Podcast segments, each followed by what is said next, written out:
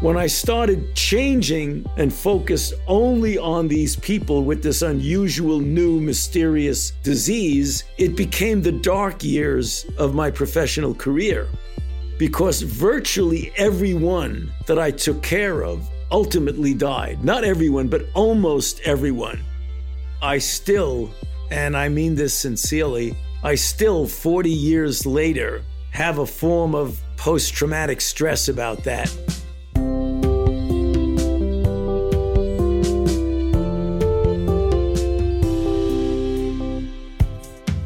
Sjukdomen aids började spridas i världen på 80-talet. Redan 1983 så upptäckte forskarna Luc Montagnier och François Barré-Sinoussi viruset som låg bakom sjukdomen och det fick namnet HIV, humant immunbristvirus. Men det dröjde ända in till 1990-talet innan man fick effektiva behandlingar i form av bromsmediciner. Fram tills dess fördes en lång och bitvis desperat kamp för att bekämpa sjukdomen. Och det man kämpade mot var inte bara viruset utan också fördomar, okunskap och rädsla.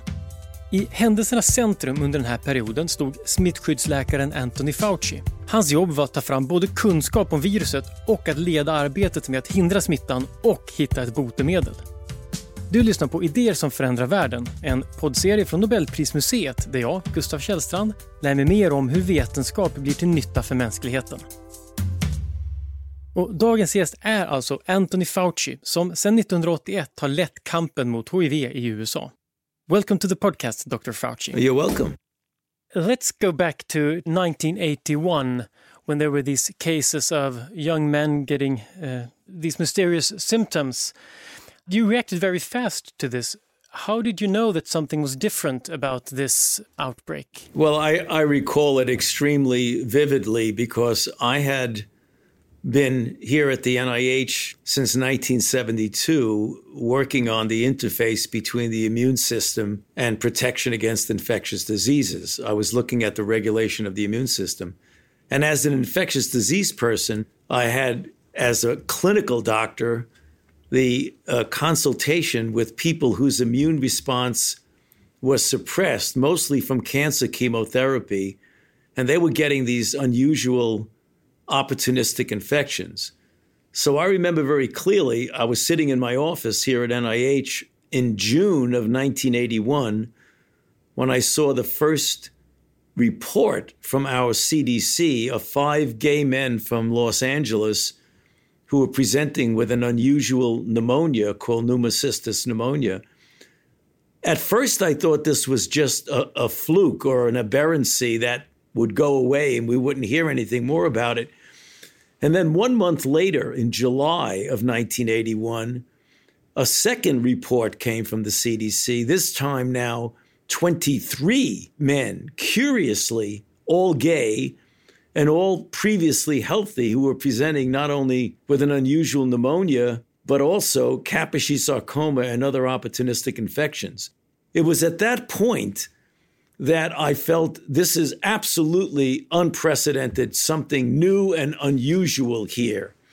And that's when I made the decision myself as a researcher that I was going to change the direction of my research and focus exclusively on this puzzling new disease that did not have a name, nor did we have an etiologic agent because it was only 1981 in the summer. So that's when I started the AIDS program here at NIH. And all we did was try and observe and take care of these people and try and get some insights into what was going on. So we start I started working on this literally within a month of the first cases that were reported. And then as we all know, what evolved over the coming weeks to months to years was something that none of us could have imagined would be of the magnitude that it turned out to be. Anthony Fauci är chef för National Institute for Allergies and Infectious Diseases i USA. Och han har varit medicinsk rådgivare till alla presidenter från Ronald Reagan till Joe Biden. Han är läkare och forskare och institutet han leder har som uppgift att forska om infektionssjukdomar det har gjort att han har lett arbetet mot de senaste decenniernas stora epidemier som svininfluensa, ebola, sars, covid och förstås hiv-aids. Fauci kallas ofta för världens mest berömde immunolog. Och även om han försöker vara politiskt neutral så blev han internationellt känd för sin kritik av Donald Trumps uttalanden om covid. The epidemiology was highly suggestive, and that's the reason why, as an infectious disease person, I was convinced that A, it was an infection, because if you looked at the contacts of people and what it was associated with was sexual activity, particularly, but not exclusively, but particularly among young gay men. We knew it was an infection we were certain that it was a virus because if it was a bacteria or a fungus, it's very easy to recognize that under a microscope. You just get tissue that's involved.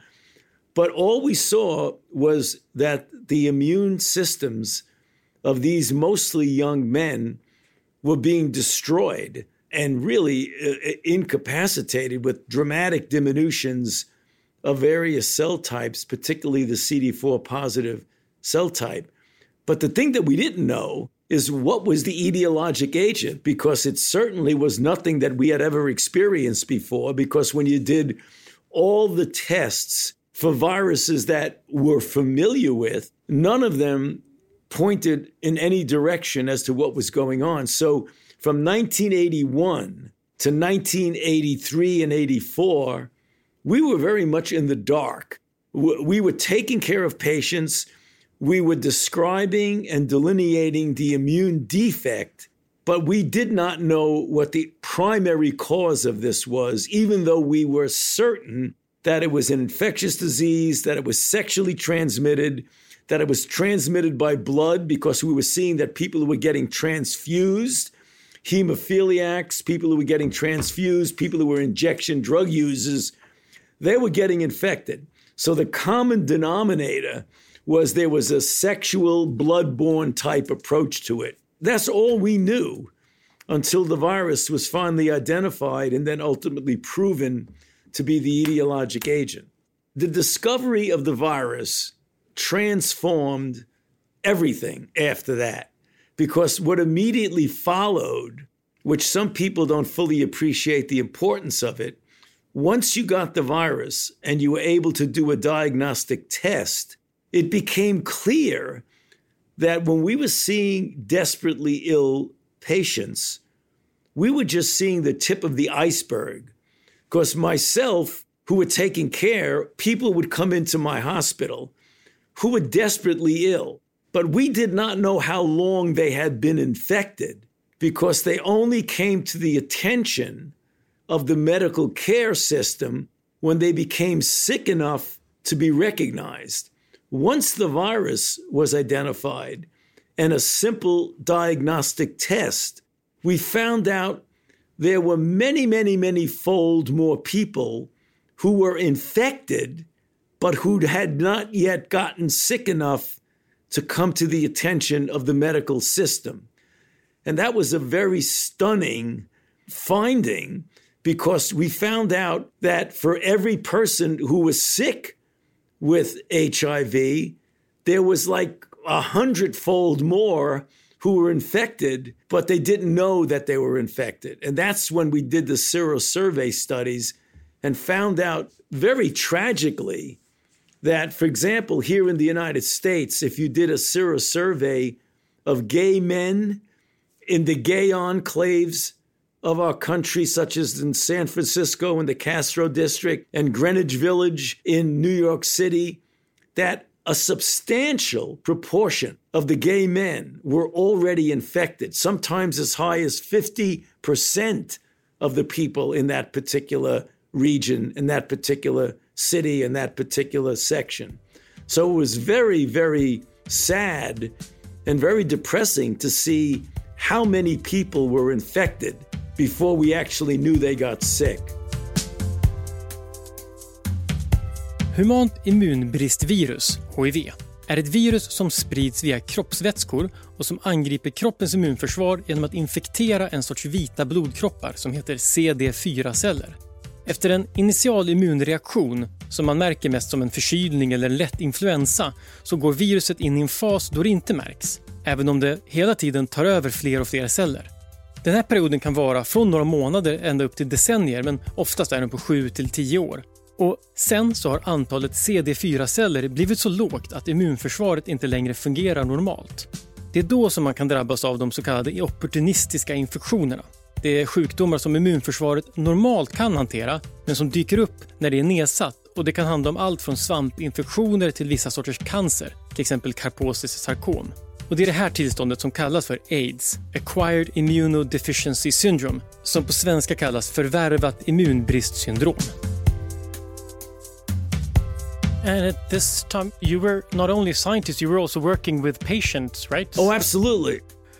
It must have it must have been a harrowing time to, to meet these people and not be able to do very much, I guess, in the in the early years. Well, I can tell you, I still, and I mean this sincerely, I still, 40 years later, have a form of post traumatic stress about that because I am a physician and from 1972 to 1981, I had fortunately been involved in developing therapies for inflammatory autoimmune diseases. And I was treating people and I developed therapeutic protocols for diseases like inflammatory vasculitis and polyarteritis nodosa and Wegener's granulomatosis and we were very successful. So I was used to, from 1972 to 1981, to having very positive results where patients would come in, you would treat them, they thought they were going to die, but you put them into remission.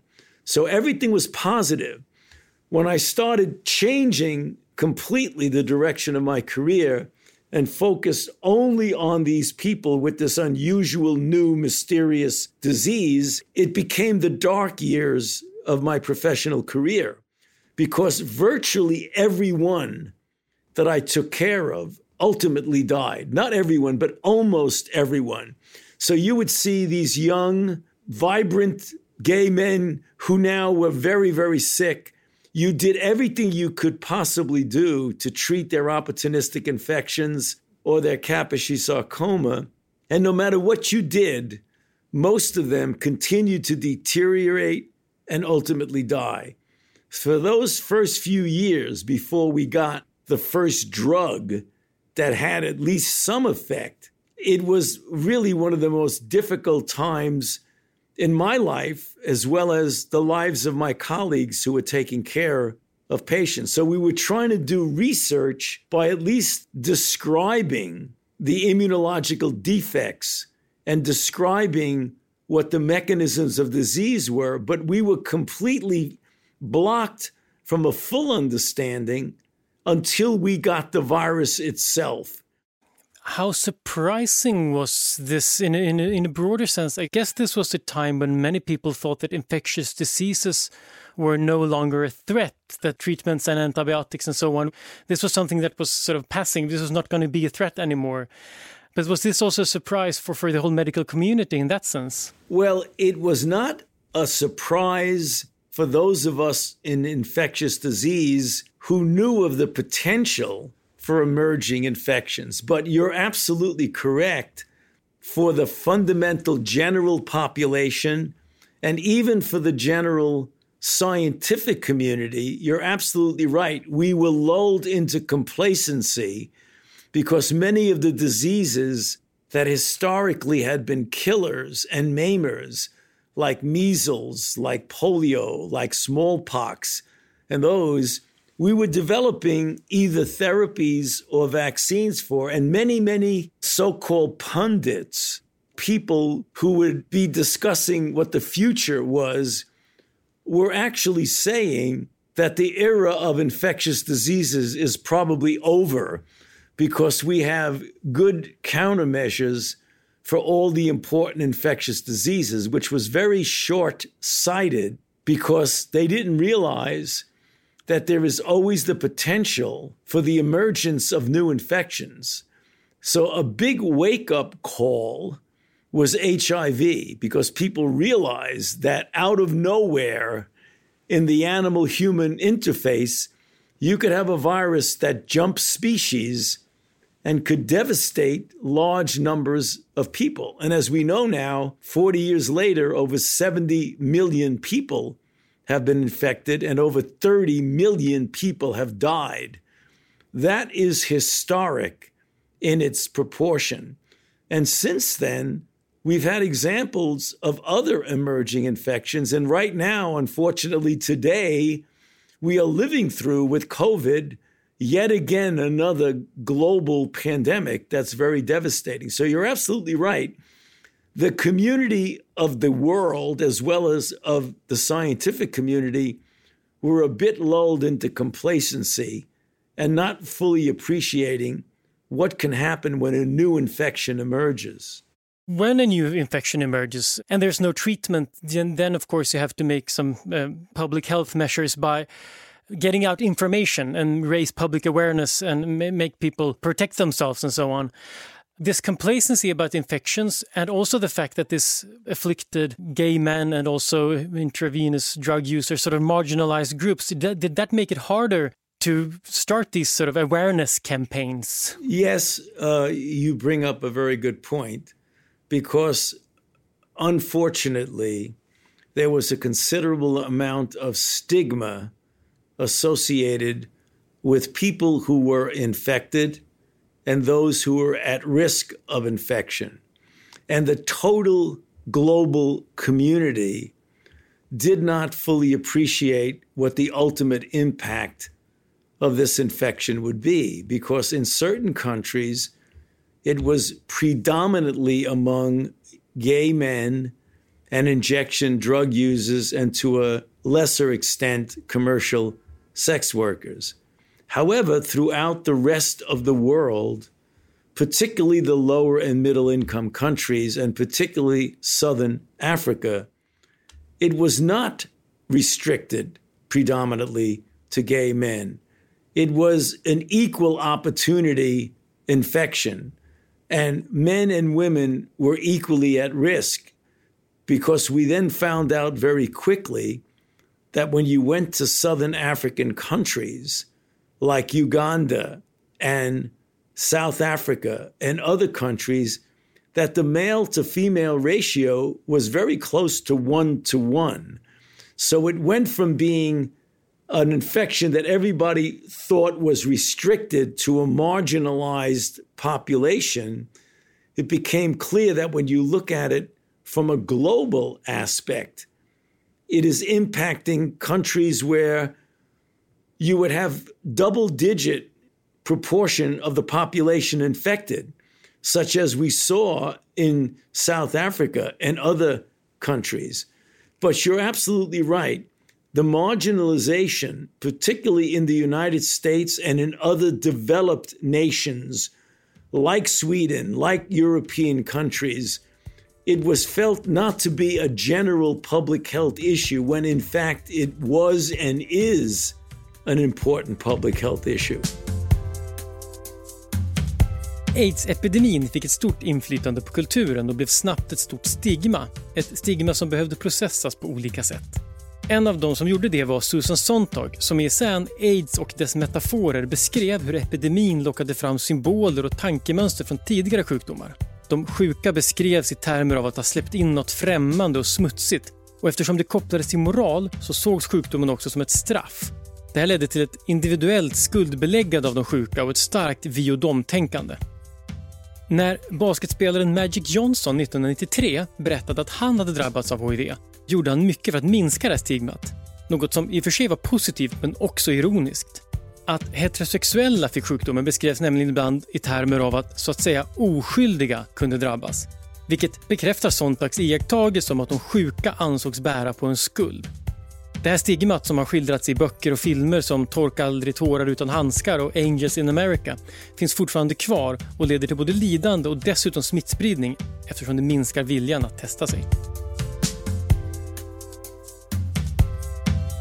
Early on in the, in the history of HIV and AIDS, the marginalized groups were also uh, vocal in, in speaking up against their own marginalization, so to speak. There was a very strong activism, and there's a quite interesting. Um, your relationship to, to these groups are very interesting. I, I, think they they really attacked you quite hard uh, early on as a, as a scientist and for not doing enough, I guess. But but you reacted not by sort of being defensive, but rather by starting a dialogue. Yes, I think that was a very important era, and was one of the most, I believe, important things that I have done in my own career because the activists, since this was a brand new situation, this was really unprecedented they were in a situation where we didn't have any good drugs. We were doing clinical trials. We were trying to develop countermeasures. They felt rightfully so that they wanted to have a seat at the table to discuss the scientific agenda, the public health agenda, and how the design of clinical trials would be much more user friendly. They felt that the government was not putting enough resources into it. And so what they did is they tried to gain attention, and very few people, at least in the highest levels of federal government in the United States, were not paying adequate attention to the activists. So what they did is they try to gain attention since I was a very visible public face of the US federal government, even though I was purely a scientist and a clinical person, they perceived me as representing the insensitivity of the federal government. So, to gain my attention, they attacked me. They were iconoclastic. They were disruptive. So I could have done one of two things. I could have done what most of the scientists did was run away from them because you were afraid that they were being disruptive to the normal scientific process. Very deliberative, very slow, very, you know, uh, taking all things into consideration and not being uh, very emergency minded. So when they did that, instead of pushing back from them, I said, maybe I should listen to what they're saying because they were so theatrical and so iconoclastic and so disruptive that people were just not listening to what they were saying. So I said, I'm going to listen to them. So I invited them to come and sit down with me and tell me how they think we can work together. And that started a dialogue that really transformed the way constituencies and advocates of diseases interact with the scientific community and with authorities such as regulatory authorities. And gradually, over the months and years, we went from being adversaries to their actually making major contributions to modifying how you respond to a disease that is selectively infecting certain groups that are marginalized to begin with. So, to me, that was one of the most beautiful uh, results of the entire situation that activists and scientists began to cooperate with each other, help each other, and synergize with each other. And interesting now 40 years later, those very activists are some of my closest colleagues and, quite frankly, some of my closest friends. So the people who are demonstrating right here on my campus in Bethesda, Maryland, are now literally my closest friends. It is a very interesting evolution over decades because, quite frankly, they were very correct in what they were doing. Their criticism was justified. And I said one of the best things I've ever done was to listen to them. Yeah, I, so sometimes there's an image of science as being very remote from maybe not reality, but from people's experience of reality. And what this shows is that there are two kinds of knowledge of a disease the scientific study from the outside, but also the experience of a disease. And that's also valid knowledge.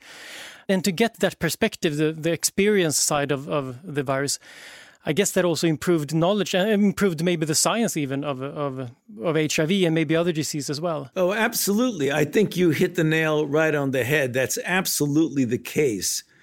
Because I think my experience as a physician who has on hands experience with taking care of very ill patients gave me a very uh, unique insight into an aspect of the disease that when you are dissociated and distant from it, you don't get a full appreciation of what the needs, the immediate needs are, not only of people who are living with HIV, but people who are at risk for HIV. To better understand them and their lives and how they live their lives was enormously helpful in allowing us to get better prevention measures, better messaging to them. So, dealing with the individual who is involved and afflicted is a major advantage in trying to design what the scientific approach was. It was incorrectly assumed that there needs to be a firewall between the patient and the physician and the scientist, that you would be compromising your scientific approach if you got the patient and the community involved in some of the suggestions and even the decision making. And it turned out to be absolutely the opposite because the involvement of the community in the agenda, be it a clinical or scientific or public health agenda, was enormously beneficial to the ultimate and overall effort against HIV. Forskare insåg snabbt att aids orsakades av ett virus. Och relativt snabbt lyckades forskare också identifiera det. Arbetet skedde dels vid National Institute of Health i Washington och dels vid Pasteur-institutet i Paris. De franska forskarna Luc Montagnier och François Barré-Sinoussi var först med att identifiera viruset och det var alltså de som fick Nobelpriset. Men även Robert Gallo i USA spelade en stor roll eftersom hans team lyckades odla fram viruset. Senare så menade Montagnier och Gallo att de kunde dela på äran för upptäckten. Och att Gallo sen inte var med och delade på Nobelpriset, det blev omdiskuterat. Men viktigare än vem som fick priset är nog ändå nyttan av upptäckten. För det var den som var grunden både för att utveckla tester och för att man senare kunde ta fram behandlingar. I guess that, that the idea that doctors should be remote not only maybe comes from the scientific method of studying people remotely, but also when new treatments were being discovered for these infectious agents, such as uh, tuberculosis, for example, it was very important to get people to follow a very strict regimen, and people thought that patients were not going to do that unless doctors had a very strict authority over them. Whereas, uh, I guess HIV shows that it's better to work with people than just giving them orders. Well, it's it's it's not only a valid point; it's an absolutely essential point.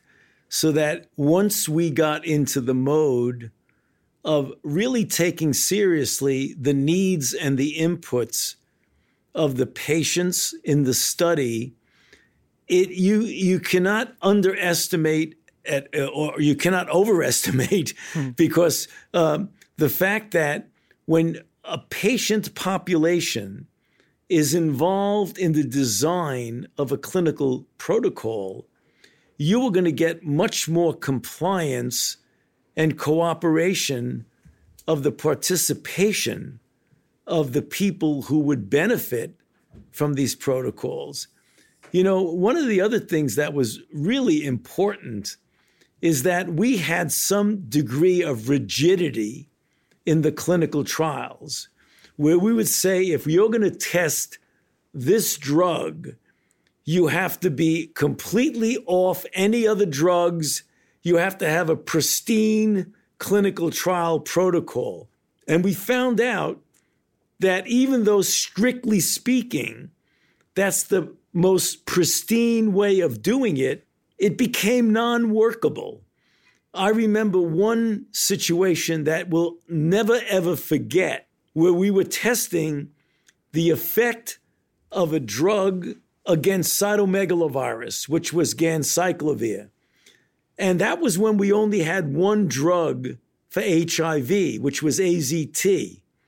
So the people who were HIV infected were on AZT, but they also were developing cytomegalovirus retinitis and going blind. So they wanted to be on a clinical trial for the ganciclovir.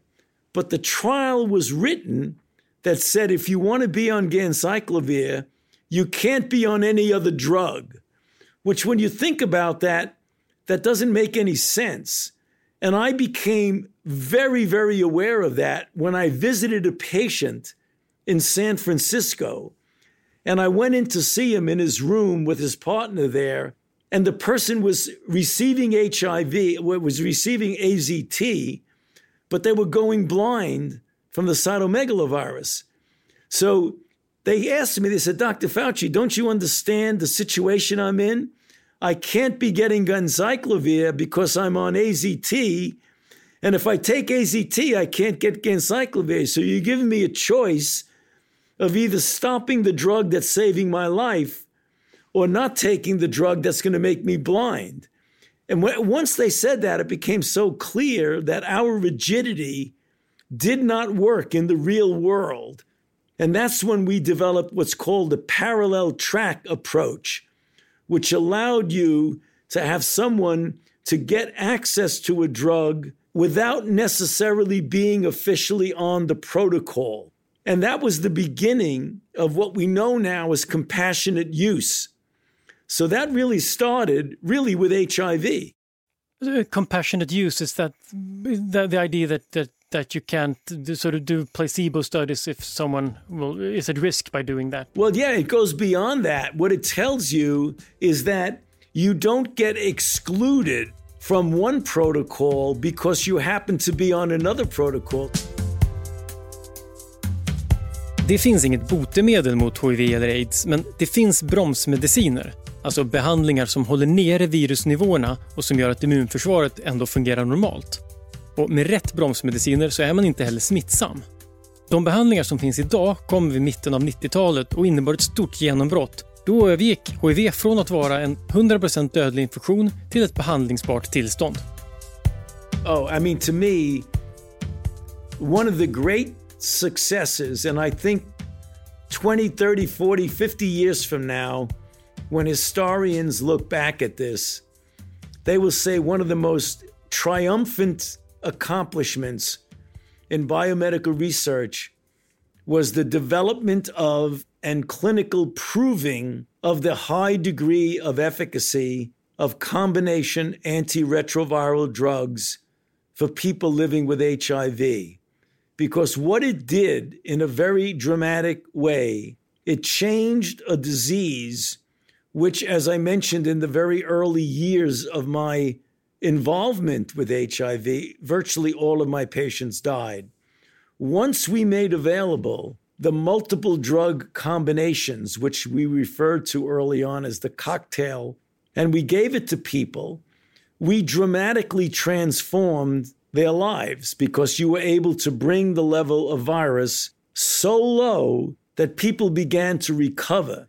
And from 1996, when the first studies were proven to be highly effective until the present day today, right now, we've improved upon and made those drug regimens much more simple, much less toxic, and much easier to use. So now, when you get a person living with HIV who, let's say, is infected in their mid to late 20s, and we put them on a combination of drugs, we can actually tell them that if they adhere to their regimen, it is highly likely that they could live almost a normal lifespan, virtually with, with few exceptions.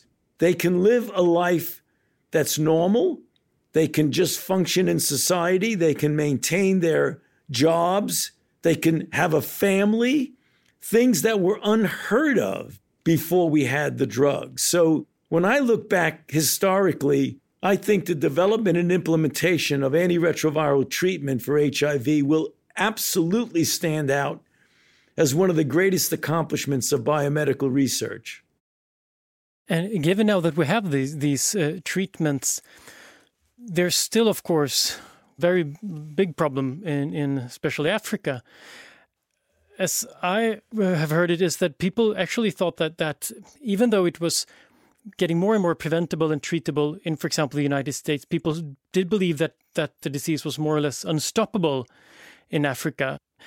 Why, why, why did people believe that, that Africa was sort of a, almost a lost cause, and, and why were they wrong? Well, they certainly were wrong, and yeah. that's what happened when President George W. Bush sent me to Africa to determine is it feasible to have drugs for prevention of and care in a setting of sub Saharan Africa for a disease that we in the United States and in Europe and in Sweden and all other places, drugs were being transformative and they were saving people's lives. And there was a general feeling that was really unfortunate that I think had a tinge of racism to it, thinking that, well, a poor country like the countries in Southern Africa never will be able to take their drugs regularly or never will be able which was complete nonsense. Because when I went to Africa and traveled to multiple Southern African countries, when there was drug available, they absolutely understood why it was important to take their drugs, and they diligently took them. And that's the reason why, when I came back to the United States and presented this to President George W. Bush and convinced him to do the PEPFAR program, to his great credit, and maybe one of the best things that an American president has done when it comes to public health, he wholeheartedly put together and endorsed the PEPFAR program. And as we know, the PEPFAR program is already responsible for saving anywhere from 15 to 18 million lives.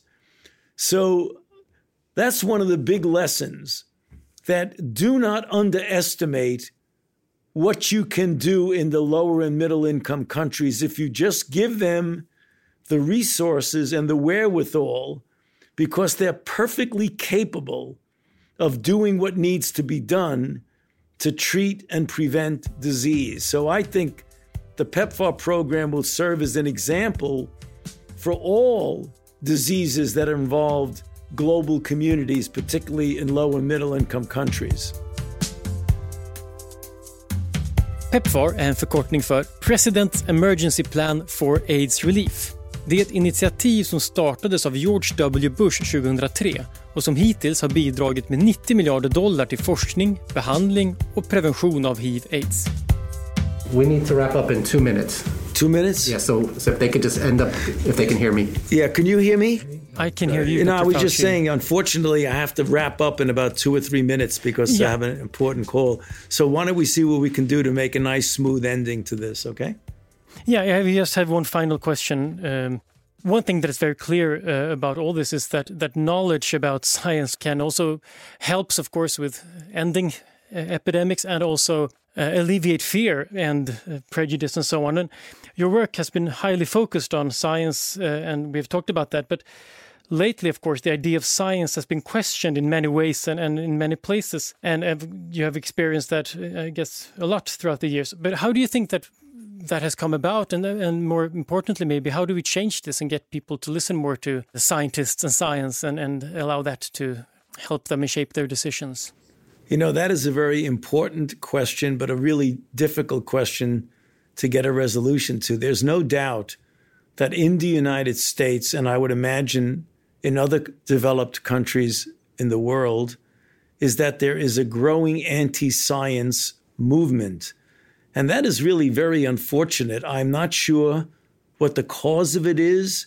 I think because there has been a distortion of reality and a lot of misinformation and disinformation that gets widely spread through social media. And when disinformation and misinformation has the opportunity and the vehicle to be widely spread, it really casts doubt on what real evidence is and real truth and real data. And it confuses people because they hear so many conflicting things that they lose faith in the scientific process. And I think if there were better science literacy throughout the world, particularly and including the United States, people will be able to understand and distinguish between what is grossly bad, false information and what evidence based and data based decisions are. Unfortunately, we are really going through a very difficult time in the United States where the, the amount of untruths and, in fact, frankly, outright lies that are getting disseminated through social media is very much interfering with our ability to make science be the beacon of what we do. We, we have to end. Sorry. Okay. Thank you so much for for uh, being part of this podcast, and of course through that by, by helping us uh, make science important. Thank you very much for joining us, Dr. Fauci. It's been a pleasure. My pleasure. Thank you. Thank you. Right, bye bye. Bye. Idéer som förändrar världen är slut för den här gången. Den här podden görs av Nobelprismuseet. Vi finns på Stortorget i Gamla stan. Information om museets utställningar och öppettider finns på museets hemsida nobelprismuseum.se. Du kan förstås också följa oss på Facebook och Instagram. Och vill du veta mer om Nobelpristagarna och deras arbete så gå gärna till Nobelprisets hemsida nobelprice.org. Och ett stort tack till Nibe Group, EF Education First, Knut och Alice Wallenbergs stiftelse och familjen Erling Perssons stiftelse som möjliggör Nobelprismuseets verksamhet. Idéer som förändrar världen görs i samarbete med produktionsbolaget Filt, producent är Andreas Wiklund och jag heter Gustav Källstrand. Vi är snart tillbaka med nya intressanta samtal.